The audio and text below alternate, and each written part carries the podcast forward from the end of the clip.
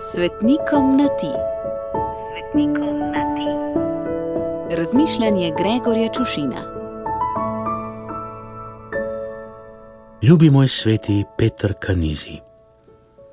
Prebiral sem tvoj dolg življenjepis, precej, precej daljši kot so življenjepisi tvojih svetniških kolegov in kolegic pa roko na srce, temu dolgemu zapisu bi pravzaprav težko rekli življenjepis. Se je s podatki o tvojem življenju dokaj skop, strani pa so popisane s podatki o tvojem delu, pisanju, pridiganju, potovanjih.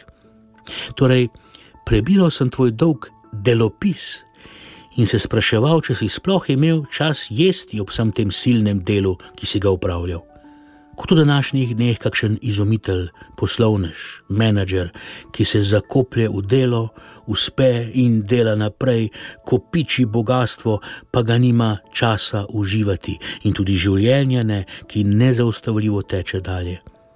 Tako si se tudi ti vrgal v delo, uspel a bogatstvo, ki si ga kupičil, je bilo tiste sorte, ki ga ne uničita mol in rja, si si delal za nebeško kraljestvo, za jed, ki ne mine in za večno življenje. Ko si se postaral, ko ti je glas odpovedal, da si komaj da govoril, kaj šele, da bi pridigal po nekaj ur skupaj, kot si to počel na vrhuncu moči, ko je telo omagalo, da si potreboval palico, si vendarle še poprijel za metlo in čistil samostanske hodnike in se ob vsem tem še obtoževal, da si nekoristen lenuh. Če pomislim, kako včasih zafrčkam v dan. In na samem koncu tvojega življenja in delopisa zasledim, da si zavetnik Briksenške škofije, da sva si tako rekoč v žahti, saj prihajam s fare, ki časti dva sveta Briksenška škofa, in Genuina in Albuina, ki sta v Briksnu tudi pokopana ljubi moj sveti Petr Kanizi.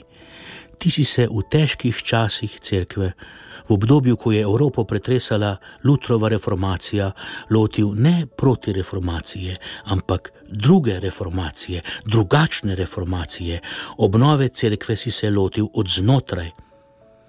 Proti heretikom povzdigniti glas je prav, vendar je mnogo bolj koristno, če se raztogotimo nad lastnimi pregrehami, si zapisal in to velja še danes.